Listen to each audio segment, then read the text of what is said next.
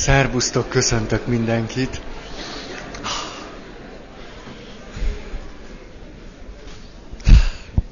Olyan jó, hogyha körbenézek, csupa ismerős arcot látok. Jó, kifejezetten enyhíti a szorongásaimat, melyek mindig megvannak, mikor elkezdek beszélni. Talán emlékeztek arra, hogy az elmúlt két alkalommal a szeretet mohóságról beszéltünk, a szeretet ésséggel, vagy a szeretet vágyjal szemben, és a mai alkalommal ezt a témát le fogjuk zárni, mert már túl sok lesz. És akkor megyünk egy másik irányba, ami viszont nagyon szorosan kapcsolódik ehhez, és talán izgalmas következtetésekig is el tudunk majd jutni. Egészen odáig vittük a kettő közti megkülönböztetést és az abból fakadó fölismeréseinket, hogy arra döbbenhettünk rá, hogy éppen a kereszténységben talán olyan hallatlanul nagyon hangoztatott, feltétlen szeretet, mint valami csúcs, került egy kicsit kikezdésre az elmúlt alkalommal, mert hiszen úgy tűnik, hogy ebben a sebzettségből fakadó szeretet mohóságban egy olyan kapcsolatrendszert alakítunk ki magunk körül, amelyben elsődlegesen is megvan a kísértésünk arra, hogy a feltétel nélküli szeretetre hivatkozzunk, akár arra, hogy mi ezt így tesszük, és ezért a másik legyen szíves válaszoljon erre, vagy pedig azért, hogy erre hivatkozva a másik mindenképpen szeressen bennünket úgy, ahogy azt a mi mohóságunkból kiindulva szeretnénk. És hogy a feltétel nélküli szeretet éppen jó hivatkozási alap arra, hogy elég jó ideológiai támaszt adjon az érveinknek, másrészt meg is indokoljuk a másik és magunk előtt azt, hogy miért vagyunk mohók, miért vágyunk arra, hogy, és akkor itt jöhetnek ezek a kijelentések, az a négy pont, amiről múltkor beszéltem, hogy szeres engem úgy, hogyha én visszautasítlak, akkor, hogyha én szenyózok veled, akkor, hogyha én ilyen vagyok, olyan és amolyan. Éppen ezzel bizonyítsd be, hogy te igazán szeretsz engem, hogy én visszautasítlak, vagy visszahúzódok, vagy akármit megcsinálok, ellenséges vagyok, támadlak téged, és te bizonyítsd be, mert ha ezt nem teszed, akkor az nem is szeretet, és akkor tessék, nézzél magadba, és csak változz meg. A másik feltétel nélkül nekem tehát ne kelljen semmit sem adnom azért, hogy tőled követelhessem azt, hogy te szeres engem, hiszen a feltétlen szeretet nem, de arról szól, hogy nekem nem is kell semmit sem tenned, hanem neked. És ha nem teszel és nem szeretsz, miközben ö, én erre vágyok, és esetleg én sem szeretlek most téged, hát akkor hogy lenne a szeretet? És aztán, ahol a legkeményebbé válik ez, és leginkább össze tud mosódni egy hiteles kereszténységgel, ez az, az a két pont, hogy abban, ahogy te szeretsz engem, neked ne legyen hasznod, ne húzzál belőle előnyt.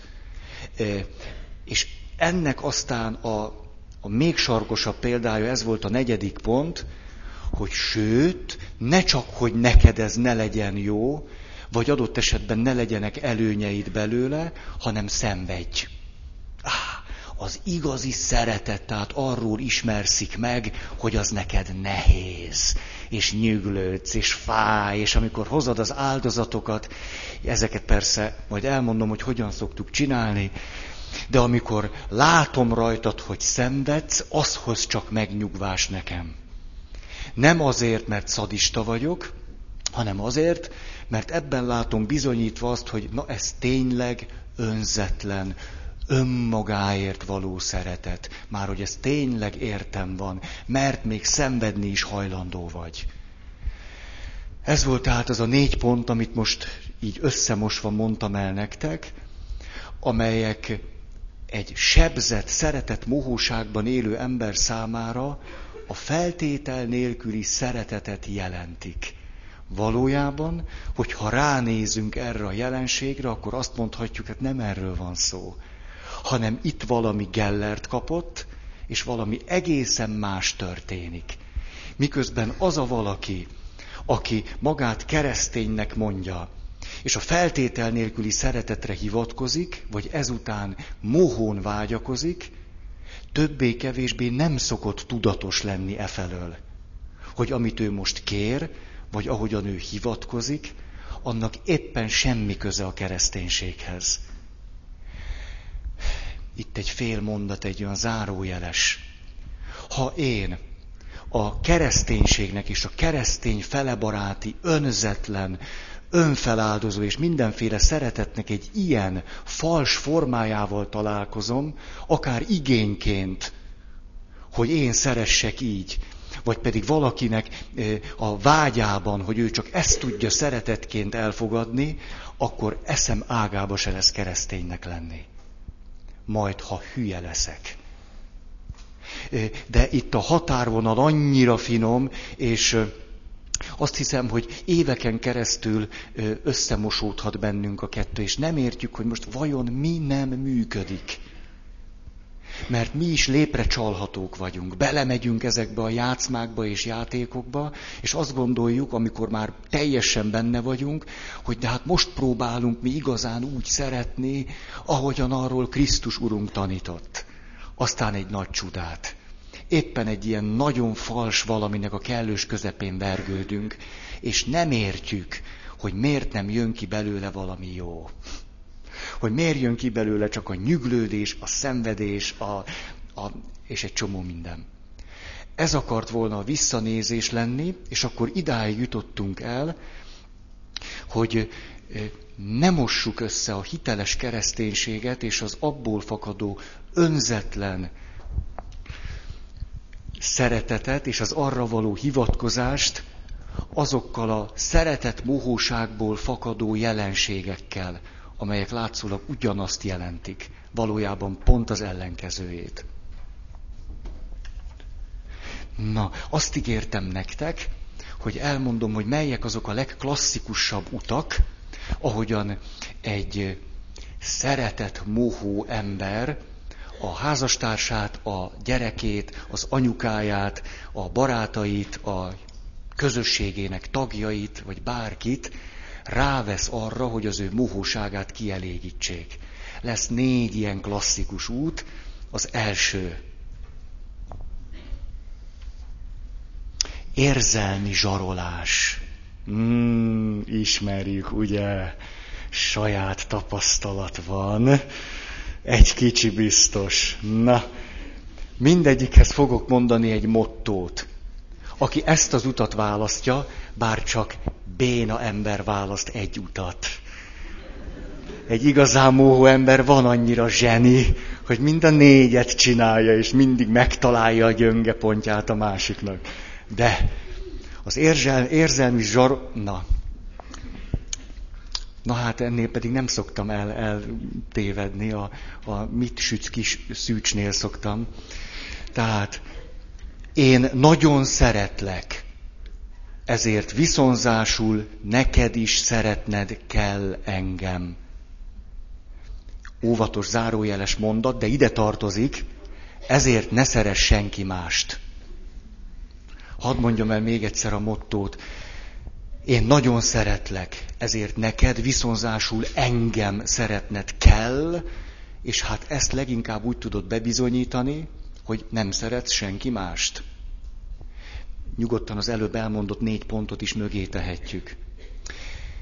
Van egy rossz hírem, bár Csilla nem ül itt, de üzenem neki is, majd elmondom neki, fölhívom telefonon, hogy sajnos ezt nők szokták inkább sajna bajna, nem azért, mert én most elfogult vagyok, hanem, és akkor mindjárt mondok egy-két indokló mondatot, azért, mert, mert egy olyan kulturális utat járnak be a kedves nő testvéreink, amelyben az utóbbi néhány évszázadban, kivéve az utolsó néhány évtizedet, éppen a szeretet jelenthette azt, hogyha képes vagyok szeretni, most a szeretet alatt sok mindent értsünk, ha képes vagyok legalábbis úgy tenni, mintha szeretnék, vagy tüdidididi, akkor tudok azoknak az előnyöknek a birtokába jutni, amelyek adott esetben nélkülözhetetlenek, a létfenntartásomhoz szükségesek, vagy amelyek a mohóságomat képesek betölteni. Hát ha a nő alávetett volt a mi kultúránkban, akkor évezredeken keresztül megtanulhatta azt, hogy miután az egyéni ambíciói alapján direkt módon nem tud előre jutni, a kerülő utat kell választani. Hát mi a kerülőút? Hogy szeretek egy pasit. Ez a klasszikus kerülőút. Szeretek egy pasit, és a pasin keresztül megkapom azt, amire szükségem van. Vagy közvetlenül a pasitól, vagy a pasin keresztül a világtól. Mert ha én egy gazdag pasit szeretek, akkor nem csak a pasit kapom meg, hanem a lóvét is. Ezért aztán érdemes nem közvetlenül bemenni a nagy létért folytatott küzdelembe, hanem szeretni egy gazdag pasit. Nem egyszerű. Na nem mondjátok, hogy nem villant át a fejeteken. Kedves nőtársaim a nőségben, a, hát, hogy nem voltak olyan gyermeki fantáziáitok 25 évesen? Hogy hát szép dolog a szerelem, de azért a szerelemnek van egy irányítható része is. Na ne mondjátok, hogy annyira naív, ilyen, ilyen romantikus szerelem ábrántól elvakított hölgyek vagytok, hogy nem arról álmodoztatok, hogy egy gazdag pasiba lenne érdemes beleszerelmesedni. Jaj, nem mondjátok. Most, most nem, nem kívánok provokatív lenni, pedig nagyon szeretem, de most Tegye föl a kezét, az nem kell, Isten ments, de hogy. Tehát ezt csak úgy mondom, tegye föl a kezét az, aki arról ábrándozik kislánykora óta, hogy egy szegény, egy hátrányos helyzetű, rossz családból való, ám pont nekem való férfiúba lennék, ám szerelmes, ha Kupidó nyilát az én Na hát, aki ezt így álmodozott, hát azért az már súlyos. A súlyos, az tőlem ingyen kap egy óra találkozást. És a, hogy erről egy kicsit elbeszélgessük, és hogy hát először is vágyakozzon egy gazdag pasi után. Na, szóval a nőknek, mert hát én ezt csak tudom, nem? Mégiscsak mi más választásuk volt, mint hogy a legszebb útját, módját választották annak, hogy egyszerre legyenek rendesek, aranyosak, szeressenek egy pasit, de közben megkapják a biztonságérzetet, a tű amire éppen szükségük volt. Ezért van az, hogy a nők ebben sokkal kifinomultabbak, és mi csak ipari tanulók vagyunk. Ezt be kell ismernünk. Csillának ezt is el fogom mondani, majd a fölhívom telefonon, hogy már is van valamiben ő sokkal jobb nálam. Sokkal. És ez nem az egyetlen dolog. Na, tehát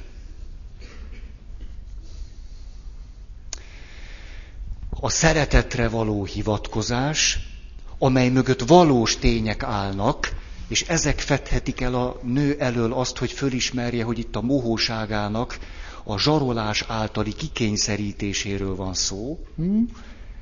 hogy emögött tettek állnak. A nő tényleg szereti a pasit. Valamennyire. A nőnek tényleg vannak gesztusai. Minden ilyen gesztus azonban azt a célt szolgálja, hogy igazolhassam magam előtt is azt, hogy miért zsarollak meg, és miért kényszerítem ki belőled azt, hogy szeres engem. Ez azt jelenti, hogy itt a szeretet igazolja a muhóságot. Ezért ezt elég nehéz fölismerni. Éppen minden olyan tettem, amikor szerettelek téged, igazolásul szolgál magam és előtted, hogy mohó legyek, és kizsaroljam belőled a további szeretetet.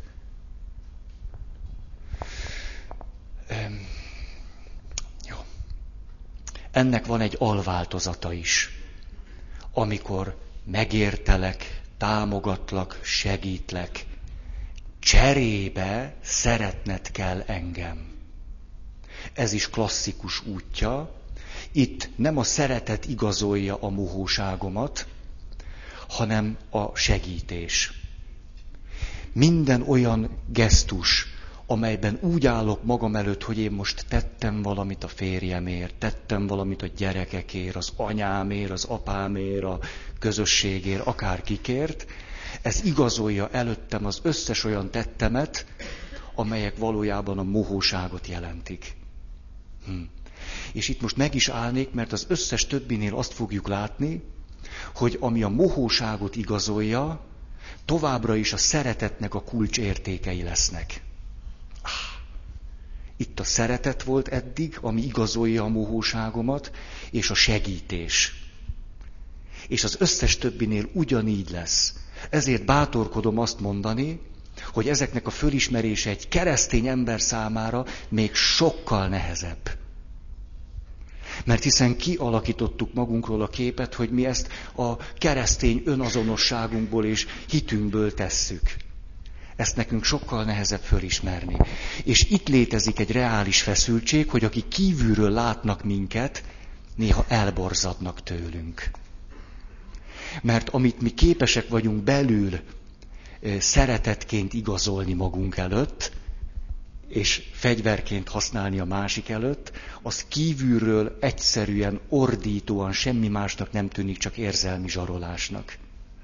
És mi belül mind a ketten kölcsönösen lépre tudunk menni. Az is, aki csinálja, és az is, akivel csinálják. Mert az ilyen hivatkozásoknak, főleg, hogyha megvan a kereszténységbe ültetett gyökérzete, hoppá, hoppá, nehéz az ellen mit mondani. És most, hogy akkor megint a hölgyekről beszéljek egy kicsit másképpen, éppen a nők tudnak emiatt, ha ezt velük csinálják, nagyon szorult helyzetbe kerülni.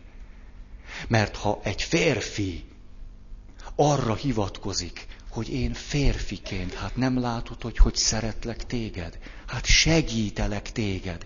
Hát a karrieredet is egyengetem. Én férfiként. Hűha. Ez egy nő számára lehet hihetetlen nagy csapda, hogy el is higgye, hogy itt csak erről van szó. És nem pedig a férfi mohóságának az igazolásáról, a szeretetre, és a segítésre, támogatásra, mit tudom én, mire való hivatkozással.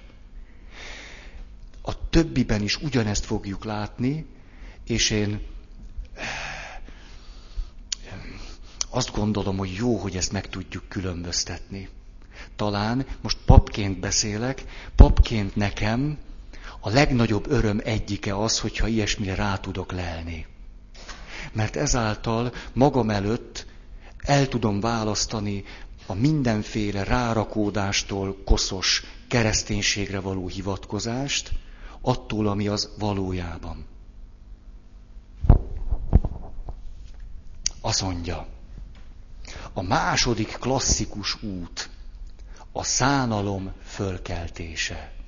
Hmm. Szánalom fölkeltése. Mi a motto? Szeretned kell, de legérdemesebb többes számban beszélni, szeretnetek kell, mert szenvedek és tehetetlen vagyok. És az ilyen emberre kapcsolatban egyetlen normális reakció lehet az, hogy a bajban lévő embernek gondolkozás nélkül segíteni kell, zárójel, úgy, ahogy azt ő akarja. Hmm. Tehát az alkoholista még inni akar, a narkós még akar egy kis anyagot, de hát ő most annyira, ha most nem kapja meg, akkor hát nem látod, hogy szenvedek. Csak egy kis anyag. Mi az, ami ebben az esetben igazolja magam és a másik előtt a mohóságot? Hát a szenvedés. És itt megint eljutunk egy nagy becsben tartott keresztény értékhez. És akkor hagyd tegyek egy lábjegyzetet. A kereszténységben a szenvedés sosem volt önmagában érték. Egy torz, embertelenné lett kereszténységben lehet, hogy a szenvedés önmagában érték. Egyébként meg nem.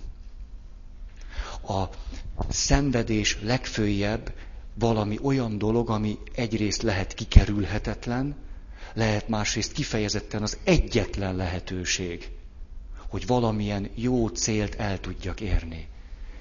De a szenvedés önmagában nem érték. Még akkor is, hogyha a jelképünk egy szenvedő férfi. Még akkor is. Emlékeztek a rózsamamira. Azt mondta rózsamami a kisfiúnak, nézd meg Jézus arcát, nem szenved. Hmm. Jézus nem akar bennünket érzelmileg zsarolni, sem szánalmat kelteni maga iránt.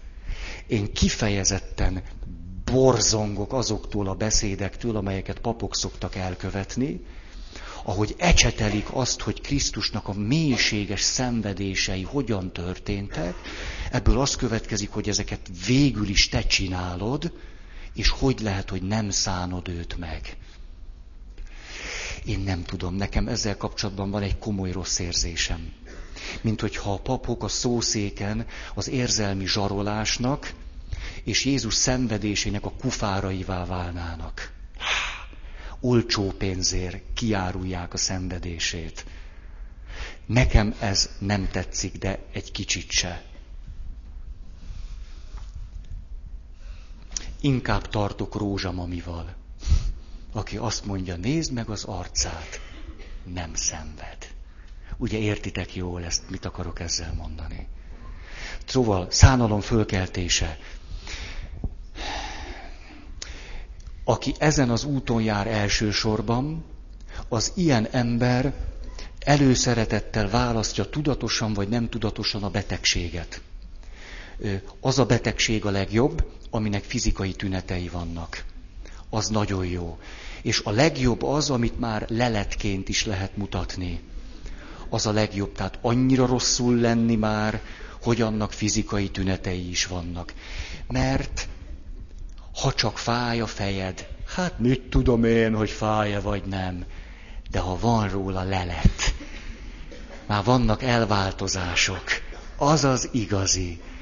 Ezt most nagyon egyszerre mondom ilyen éllel, de egyszerre mondom nagy együttérzéssel. Mert persze, aki ebben a módszerében vagy stratégiájában, amit egyébként nem rossz indulatból tesz, hanem a mohóságból és az eddig leírt folyamatok alapján, az ilyen ember valóban, valóban megbetegszik. Hát ő tényleg beteg. Csak az a nyereség, amit a betegségen keresztül elér, az óriási mert a szenvedése, a betegsége a számára is igazolható módja annak, hogy kizsarolja, és a szeretet mohóságát igazolja a másik előtt. Ezért betegnek kell lenni. Muszáj. Muszáj rosszul lenni.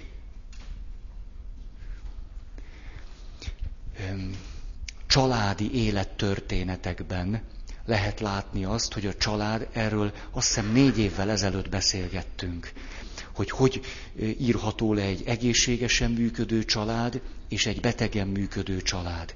És hogy a betegen működő családban a betegségek általában a család működésmódjának a zavarára utalnak, főleg, hogyha azok nagyon gyakoriak és úgy jönnek. Mondjuk az asztmás köhögő roham, Miért pont akkor? Vagy egy kis ájulás, vagy egy kis ez az. Jó tünetei szoktak lenni egy egész kóros működésnek a családban. Ezzel azt akartam mondani, olyan is lehet, hogy valaki nem beteg folyamatosan, de klasszikus pillanatokban előtörnek a tünetek. Vagy súlyosbodik az állapota. Aztán ez elmehet odáig is, hogy az ilyen emberrel valahogy mindig történik valami baj. Ismertek ilyen élettörténetet? Valahogy mindig, mikor kezdenének jóra fordulni a dolgok, akkor valahogy véletlenül, nem tudom én, bokaszalak szakadása lesz. Valahogy véletlenül elcsúszik a jégen. Valahogy véletlenül pont elüti egy autó. Valahogy véletlenül az utolsó vizsgája nem sikerül. Valahogy véletlenül lekési a gépet, ami a boldogság felé vinné őt. Valahogy véletlenül azért kési le a gépet, mert valahogy véletlenül az útlevelét hagyja otthon. Valahogy véletlenül nem az útlevelét hagyja otthon, hanem elfelejti megnézni, hogy lejárt az útlevele. Valahogy véletlenül. Ezek a véletlenek ordító jelek. És persze,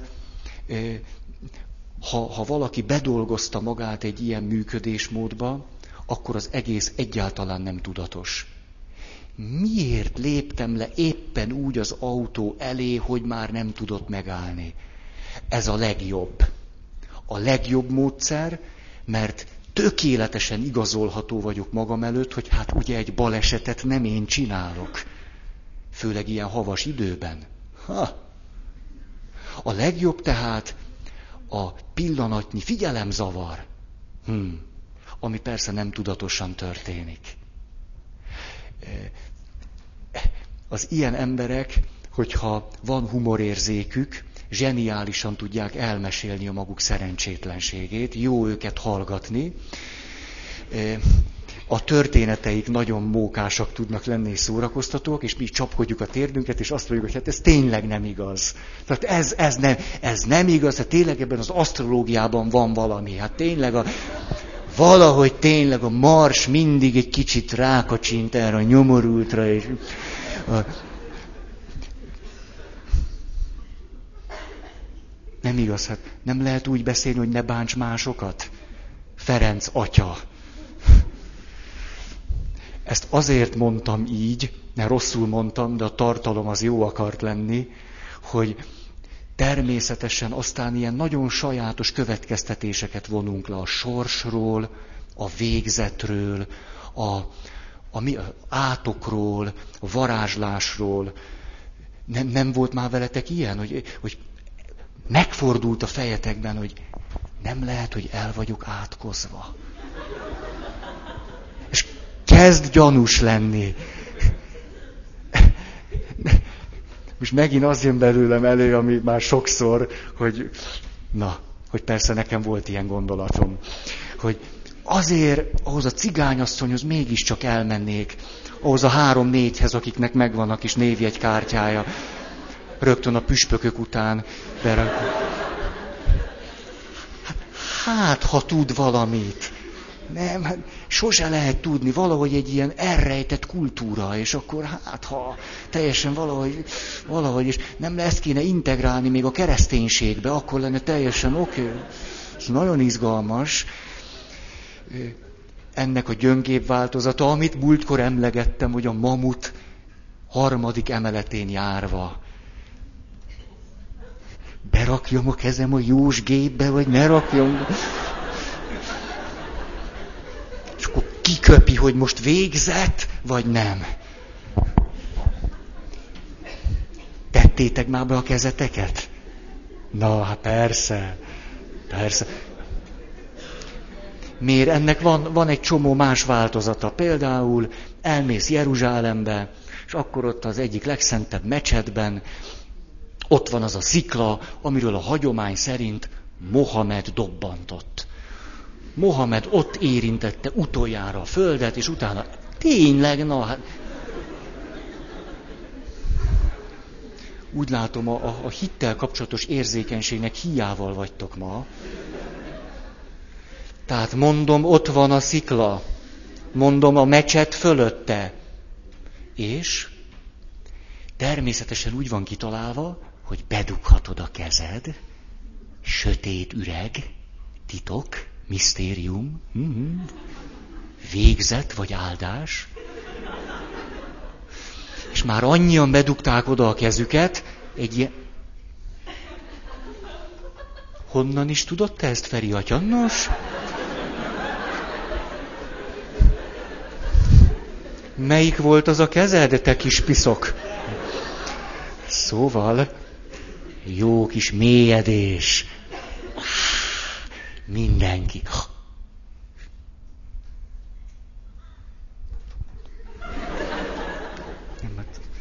Nem mindennek van kifutása. Van, ami csak úgy van. És pont. Na. Aztán Hát igen, ez megint kiszolgáltatottá teszi magát. Ez, ennek vannak a szociálisan ö, ismert ö, módjai. Tehát valahogy, valahogy mindig elveszti a lakását. Valahogy mindig elveszti az állását. Valahogy. Valahogy. És akkor becsönget a paphoz, és azt mondja, hát hogyha azért mégiscsak az igazságérzetem, az nem hagyott engem. Az, az egész arra megy ki, hogy megint legyek kiszolgáltatott, és ha kiszolgáltatott vagyok, akkor nem vagyok felelős az életemért, mert hiszen ez együtt jár a tehetetlenséggel, akkor te vagy a felelős. Te bizony. Úgyhogy gyorsan-gyorsan, kaja, ruha, mi egymás jöhet, pénz. Na, akkor elmondok egy történetet. Tudjátok, ezek azok a történetek, amelyekre elsőre azt mondanátok, hogy ilyen nincs is, pedig van. Becsöngetnek vasárnap háromkor. Egy hölgy áll az ajtóban, és két dolgot kér tőlem. Ugye ki van írva, kövi szűz Mária plébánia, és azt mondja, atya, két dolgot szeretnék kérni. Ételt és intim betétet.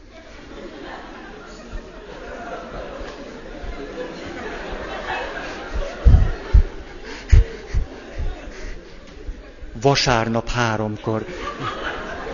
De ez a kisebbik tőlem.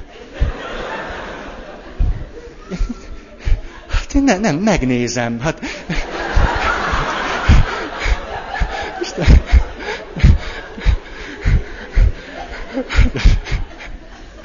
Hát, mégis katolikus papként, hát egyik van, másik nincs, hát nem már, hát ilyen brutálisan, hát sose lehet tudni, valahol elbújt a sarokba, hát végül is lehet annak is előny, hogy ritkán takarítok. Miért? Szólok a pókoknak, kicsit nézenek körbe. Nem lehet, -e valahol megbújt egy. Hát, ilyen. Annyira meglepődtem.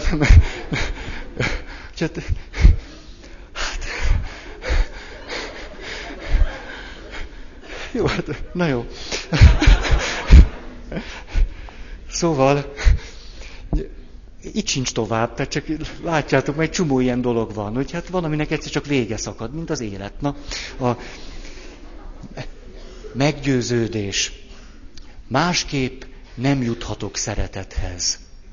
Tehát egyszerűen valóban magamat ki kell szolgáltatnom, kiszolgáltatott helyzetbe kell hoznom azért, hogy persze ennek megvan, megvan a nagyon-nagyon szomorú oldala is.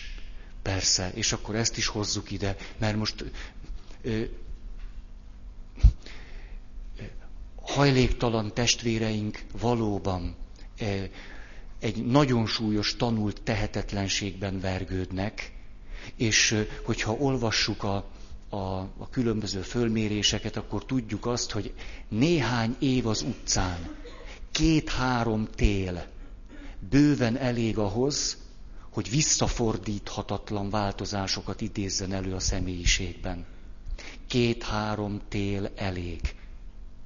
Ezért egy olyan ember, aki csönget, és kim volt már két-három telet az utcán, őtőle ugyan mit kérhetsz te számon? Mit, mit okoskodsz majd neki, hogy álljon talpra, meg földödő? Ő már régen-régen ben van egy hihetetlenül ellehetetlenítő ördögi körben, amit persze a kultúra is megerősít. Szóval, mm,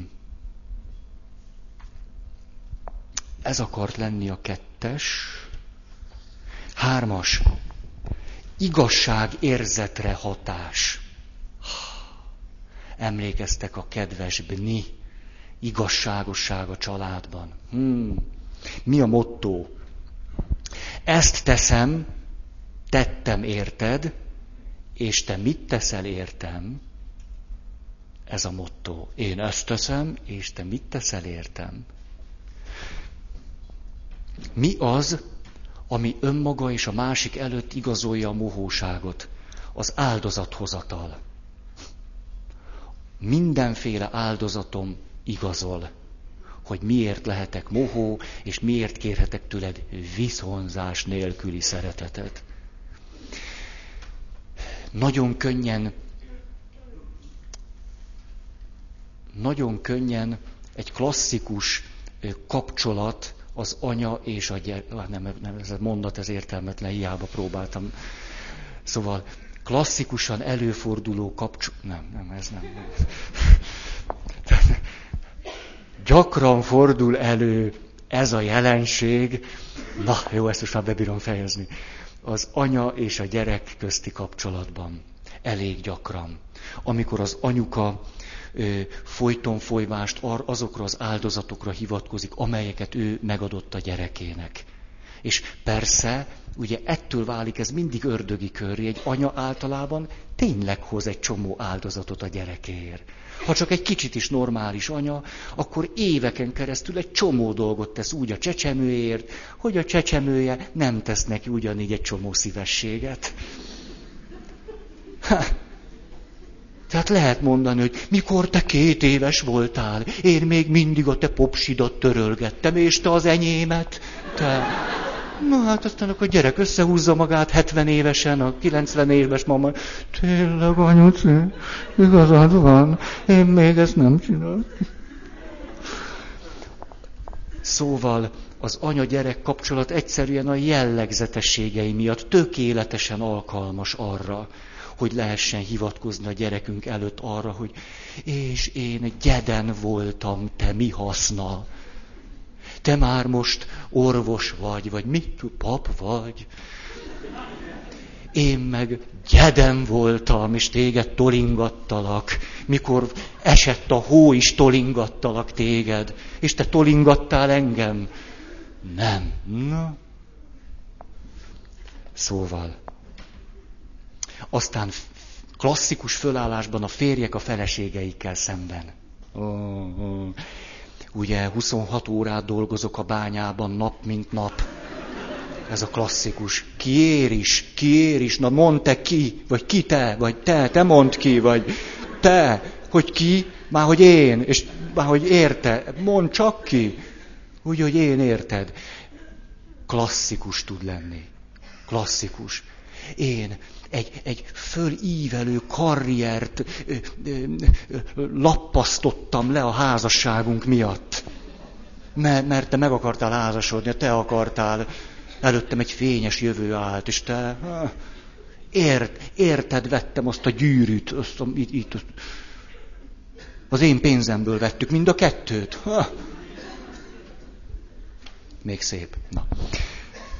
Aztán ez az adok hogy adj elve, és most rögtön tegyük ide a Szentírásból azt a klasszikus mondatot, amit akarsz, hogy veletek tegyenek az emberek, ti is tegyétek meg. Ah, gyönyörű mondat a Szentírásból, de Jézus sosem gondolta azt, mert én már csak tudom, hogy gondolta. Pap vagyok, vagy mi? Tehát most a hivatali tekintély megjelent. Tehát Jézus nem gondolta azt, hogy ideológiaként használd ezt, hogy adok, adok, és az egész életem erre van beirányítva, hogy és mikor kapok. Na. Tudjátok, mi leplezi le az ilyen embert? A csalódottság, ha nem kap.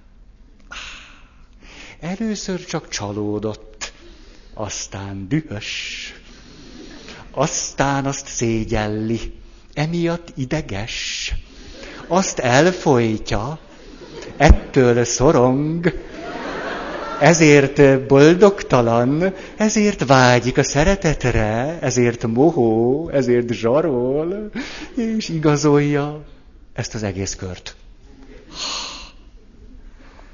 Aztán ez az, amiről már sokszor meséltem, könyvelést vezetünk fejünkben. Tíridi, adok, kapok, adok, kapok. Ott van egy kis lyuk. Nézzük csak. Van kiadási oldal. Hoppa, hoppa, bevételi oldal meg üres. Nyuszóka, mit találtam? És jön már is egy kívánság.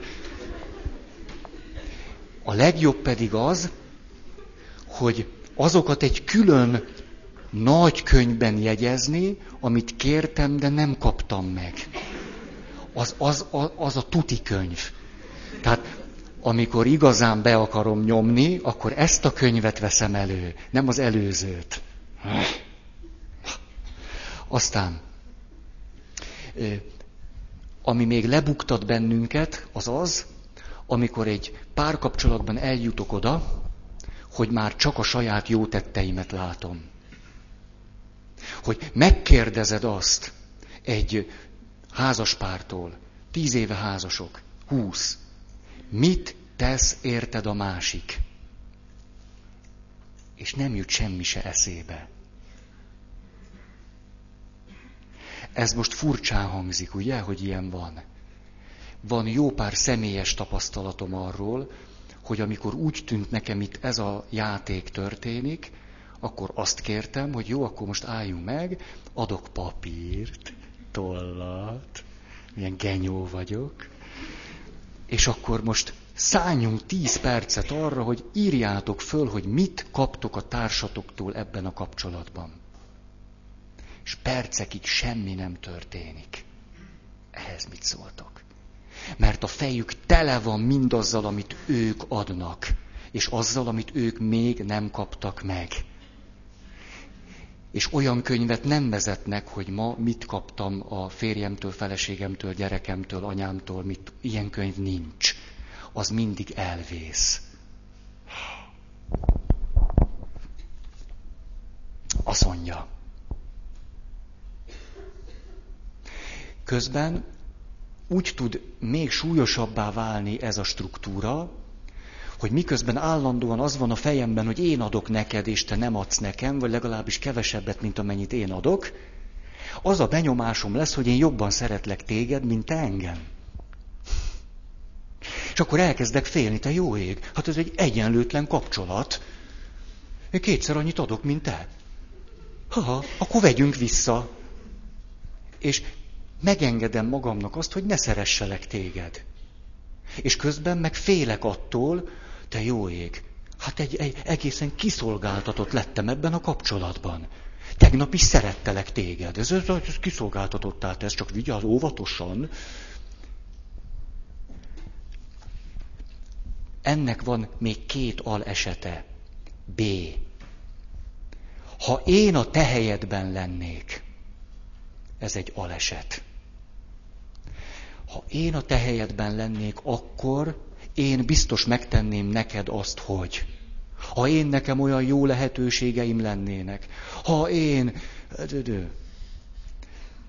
Vagyis nem kérek többet, csak annyit, amennyit én is megtennék, hogyha egy fordított helyzet lenne. Ah, ah, ah. Könnyű innen azt mondani neked, hogy itt nem az áldozathozatal igazolja a mohóságot, hanem az adás. Vagyis, hogy én is adnék neked, ha. C. Mi alatt szenvedek? Na, mondom. Ártottál nekem. Miattad szenvedek, ezért kötelességet szeretni engem. Ez is egy aleset. A kulcs szavak ezek, ártottál nekem. Ezért szenvedek, tehát mert ártottál nekem, most köteles vagy szeretni engem. Ez a, ez a struktúra is nagyon jól működik, életfogytiglan. Holtomiglan, holtodiglan. Azért működik jól, mert természetesen mindig ártunk a másiknak. A mindig szó alatt azt értem, hogy nem tudjuk elkerülni hogy ne tegyünk néha rosszat a másiknak, hogy ne okozzunk fájdalmat, hogy ne kövessünk el bűnt a másik ellen. El lehet ezt kerülni egy kapcsolatban, házasságban? Lehetetlen. Ezért mind a két félnek mindig lesz egy olyan listája, amire lehet hivatkozni. Ezért ezt a rendszert valóban kifulladásig lehet működtetni. Csak mindig arra kell hivatkozni, hogy te ezt tetted velem. Ezt aztán megerősíthetjük a szenvedésünkkel. Nem csak, hogy ártottál nekem öt éve, még mindig szenvedek tőle. Majd hülye leszek meggyógyulni. Dehogy megyek el és kérek segítséget. Jól jön nekem ez a kis bűn, amit te ellenem elkövettél.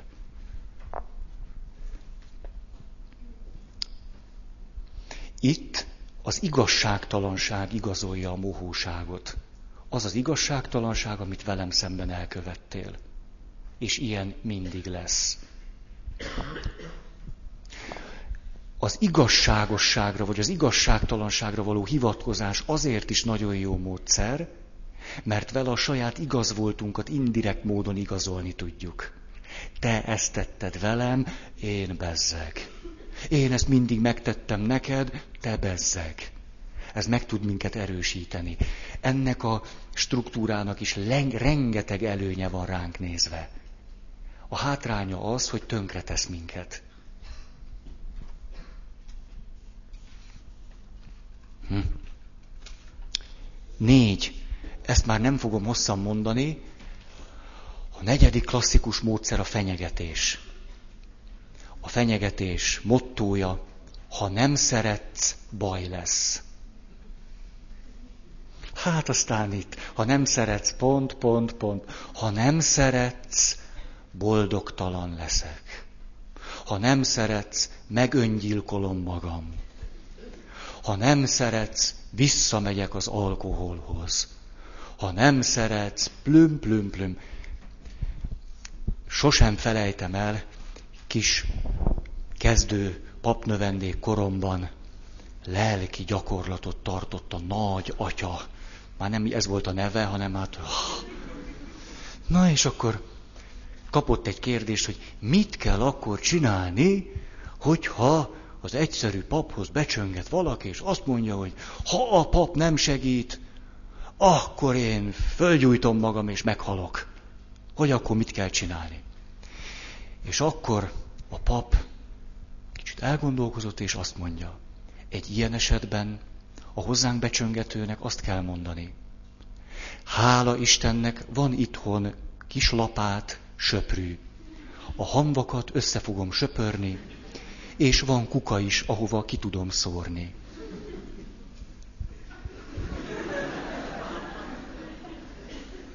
Kedves atya, hogy hangzott ez? Feszület a helyén van? Ezt a mondatot a rám gyakorolt hatás miatt nem fogom elfelejteni, de egy életre megtanultam azt, hogy nem kell bedőlni. De itt nem az a lényeg, hogy nem kell bedőlni, hanem az, hogyha engedünk az ilyen fenyegetésnek, azzal nem teszünk jót annak sem, aki fenyeget. Nem teszünk neki jót. Nem. Mert akkor újabb játéktere nyílik egy olyan életre, amely életből éppen az fakad, hogy ilyen marhaságokat beszél. Ha azt akarom, hogy kigyógyuljon ebből, akkor lehet, hogy mit tudom én, hogy kell ezt akkor mondani, de minden esetre elég kategórikusnak kell lenni. Beszélgettem már életemben jó párszor olyanokkal, akik öngyilkossággal fenyegetőztek. És ez a mondat nagyon nagy segítségemre volt. Az egyik, hogy komolyan vegyem őket, mert aki ilyen mondatokat mond, az nagy bajban van.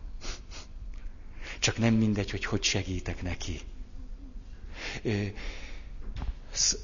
De most nem akarok ilyen recepteket adni, csak olyan óvatosan mondom, ki lehet mondani azt, hogy nézd, ez a te szíved joga, hogy mit teszel magaddal. Én azonban itt vagyok, és jobb megoldásnak tartom azt, hogy este hívjál föl telefonon, és akkor beszélgessünk, hogyha nagyon rosszul vagy. És holnap pedig gyere el, ráérek a mise előtt, mert látom, hogy nagy bajban vagy. De a játékba nem megyek bele. A, ezek, a, ezek a játszmák másféleképpen is elő tudnak állni, nem föltétlen közvetlen fenyegetéssel az életemre vonatkozóan, hanem közvetett fenyegetéssel. A leg, megint csak, hogy a kereszténységünk felül a legérzékenyebbet mondjam, a boldogtalanságra való hivatkozás, vagy a ráutaló magatartás. Ugyanis, ha te úgy házasodtál meg, és ha te egy rendes muki vagy, meg egy rendes nő, hogy az lenne a házasságnak a célja, hogy a házastársamat boldoggá tegyem. Ha-ha, van itt egy kis csapda?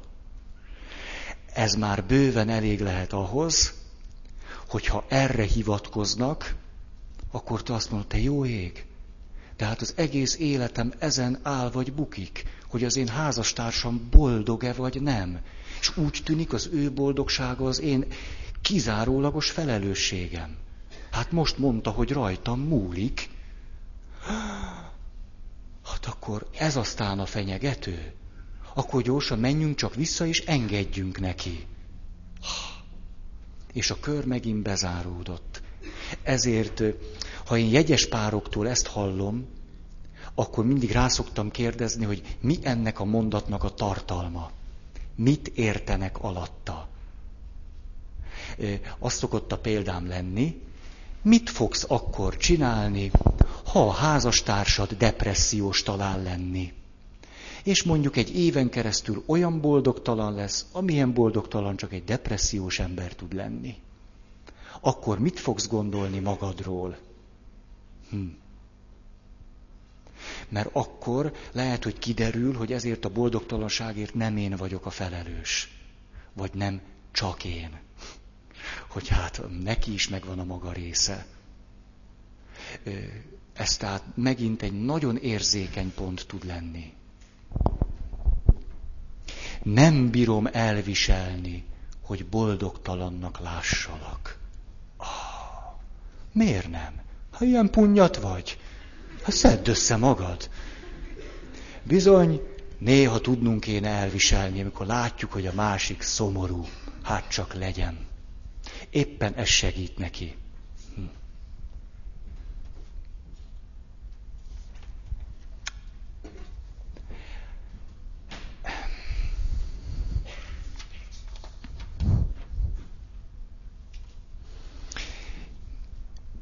Picit most lezárnám a szeretet mohóságot néhány mondattal.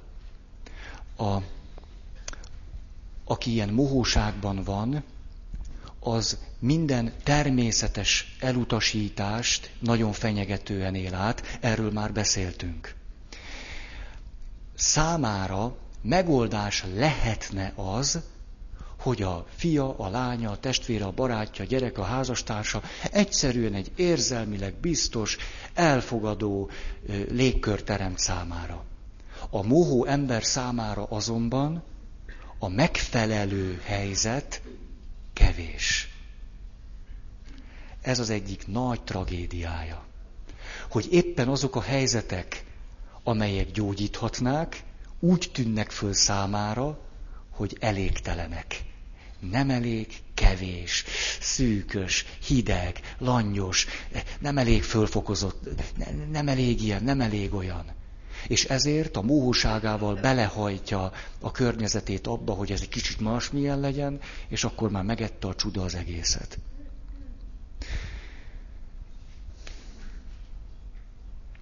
Azért a szeretet mohóságról azt mondhatjuk el, összefoglalóan, hogy általában súlyosbodik általában az ember egyre rosszabbul lesz. Nem kell semmit sem csinálni, de miután ez egy ilyen kör, ezt szoktuk tapasztalni. Van ilyen élményetek? Hogy emlékszem, már három éve is valami nem működött, de akkor hagytam a csudába az egészet. És eltelt három év, most kezd elviselhetetlen lenni. Ezek a körök szoktak így működni. Ez tehát természetes. Ha vannak ilyen tapasztalataitok, az normális. Teljesen. Néha a legnagyobb baj segít csak minket arra, hogy változtassunk. És itt jön megint egy nagyon súlyos következtetés. Azonban a mohóságban élő ember nem érdekelt a változásban. Sajnos. Nagyon sok érdeke fűződik ahhoz, hogy ne kelljen neki változni hogy a szerencsétlenség, a nyomorúsága, a fönnálló helyzet ne legyen jobb. Ugyanis ezzel egy csomó felelősséget magára kellene vennie. Többé nem mondhatná azt, hogy te vagy a felelős az én életemért. Többé nem mondhatná azt, hogy neked kell extra módon szeretni, mert különben. Ez olyan sok veszteséggel jár, és általában annyira begyakoroltuk, hogy nagyon hősies küzdelem kell ahhoz, hogy valaki egy ilyenből kijöjjön. Mélységes tiszteletem mindenki felé, aki erre az útra lépett már. Nagyon mélységesen tisztellek titeket érte. Azért, mert a kezdetek kezdetén az lesz a benyomásotok, hogy egy csomó veszteséggel kell szembenéznetek. Nem a nyereségek jönnek először, hanem a veszteségek. És el fogtok oda jutni, hogy úgy érzitek, hogy szinte semmit sem nyertetek még ezzel a folyamattal, csak vesztettetek. Mindig lesz nagyon-nagyon nagy erő, mint a gumikötél. Minél jobban mész ki ebből a, ebből a zsákutcából, oda vagy kötve a gumikötéllel. És annál jobban érzed, hogy valami húz vissza. És egészen odáig kell menni, hogy a kötél elszakadjon. De pont amikor már majdnem elszakad, akkor érzed a legnagyobb vonzást, hogy az egészet hagyd a csudába, és visszarohanjál. Tudjátok, hogy fejezte ezt ki valaki? Olyan gyönyörűen mondta. Kérdeztem azt tőle, egy ilyen helyzetben volt, mint ahogy nagyon sokan, ma a kultúránkban az emberek többsége, többsége, kisebb-nagyobb mértékben ebben van. A, azt mondta, kérdeztem tőle, hogy tudná ábrázolni ezt egy képpel? Találjunk egy képet, ami ilyenkor mindig eszébe tud jutni, és a kép segít neki abban, hogy fölismerje, hogy hol van. És azt mondta, kapásból ez az a helyzet, de, de olyan szép képet mondott, elmondom az egészet.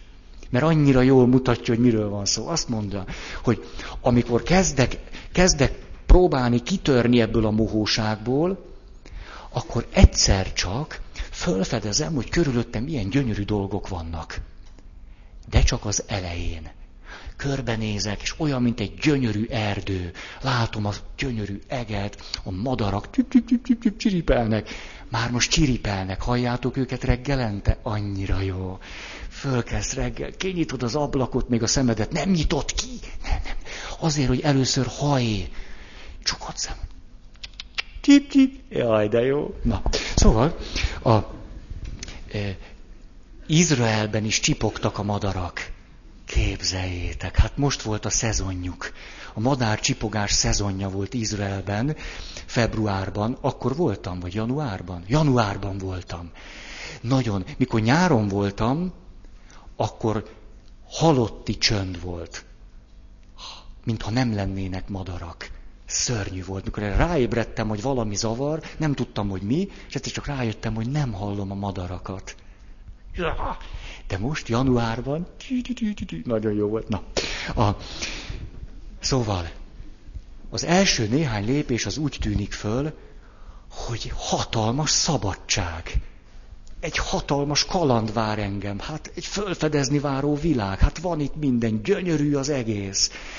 Egyre nagyobb a vágy bennem, hogy még tovább menjek. Igen ám, de hogy teszed előre a lépéseket a gyógyulás felé, kezd beszűkülni ez a világ, és kezdesz félni.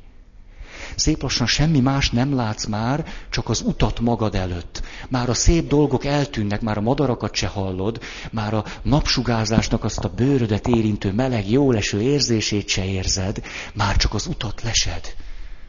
Szép lassan már nem látsz előre sem, már csak lefelé nézel, és akkor ez a kötél meg húz vissza. És akkor ez a kedves ismerősöm a következőképp mondta, és amikor már az utolsó lépést kéne megtenni, akkor annyira megijedek, hogy mint egy kis kivert kutya visszarohanok a kutyaholba.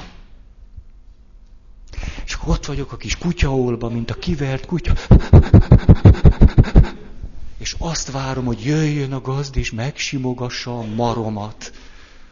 Vagy a faromat, vagy mit tudom én, a farkamat, valamit megsimogasson mert hát egy kivert kutya vagyok, most jövök a vadászatból, és nem sikerült elejteni semmit.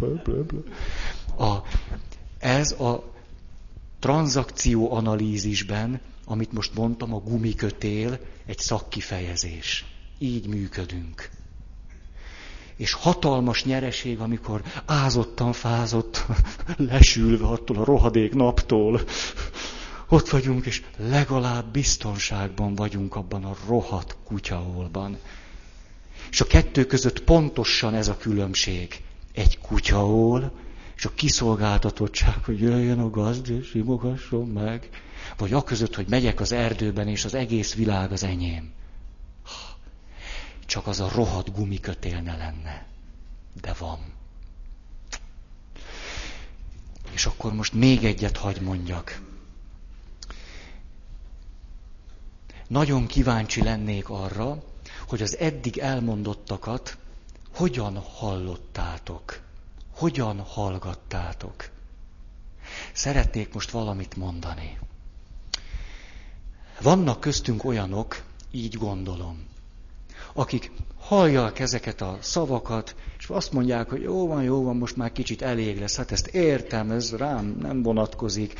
Fölfogtam tényleg egy-egy dolog, az, az nagyon igaz. Milyen jól ábrázol másokat, most már beszélhetnénk valami másról. Hm.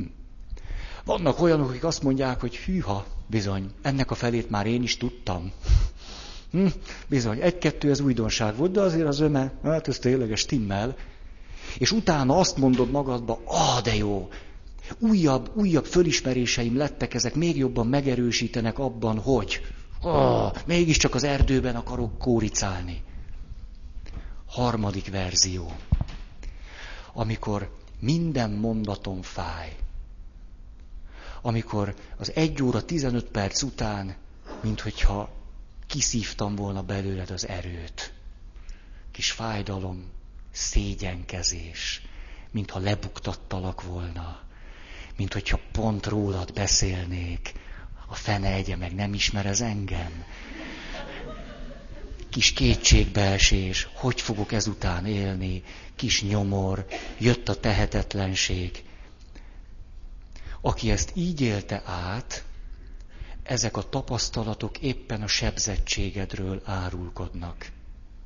Ugyanis nem törvényszerű, hogy ezt a két és fél előadást így kelljen itt végigülnöd. Ha belőled mindaz, amit mondtam, e- ezt váltotta ki, az nem azt jelenti, hogy te egy nyomorult, szerencsétlen, béna, semmire kellő, szerethetetlen valaki vagy. Mm-mm. Ez azt jelenti, hogy sebzet vagy. Csak ennyit jelent. És szívemből kívánom neked, hogy az összes öngyalázó, szégyenkező, szorongó érzésedet, amit én keltettem benned, az sikerüljön levetned. Mert nem igazak ezek az érzések és gondolatok, amiket átéltél. A gondolatok tévedések, az érzések pedig parazita érzelmek. Emlékeztek? Tavaly beszéltünk évelején. Parazita érzések. A téves gondolatokkal együtt járnak, rátelepednek az igazi érzéseidre. Folytogatnak és nem engednek élni. Parazita érzések. És ezekre az érzésekre nem vonatkozik az, hogy fejezd ki két kapura egy életen keresztül, éld át, és folyamatosan ezekről beszélj. A hiteles érzésekre vonatkoznak. A parazita érzéseknek a folyamatos átélni a teljes valójában. Mit érsz vele? Ha egy ilyen sebzettségből fakadó szorongást élsz át a maga valójában, hát az aztán nagyon jó lesz. Ezt nagyon fontos volt elmondanom. Tehát, ha te ilyesmiből átéltél valamit, gondolatokból, érzésekből, nem hitelesek. Nem azért, mert te nem vagy hiteles, hanem a sebzettségből fakadó gondolatok és érzések. És hogy egyetlen szavam sem akart téged megszégyeníteni, lebuktatni. Jó, még, még adok neked egyet, dehogy is.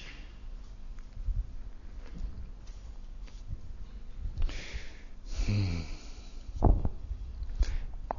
Nincs kedvem másba belekezdeni, egész elszomorodtam. A...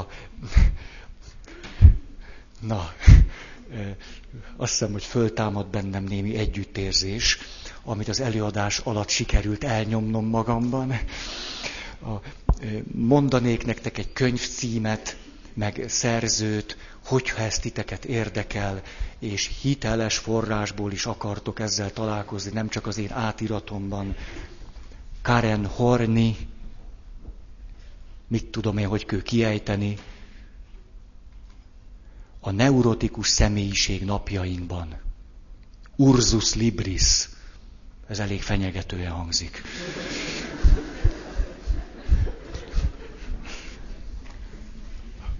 Ha ez jobban érdekel, akkor óvasgassátok. Akkor köszönöm szépen a figyelmeteket. Akar-e valaki hirdetni?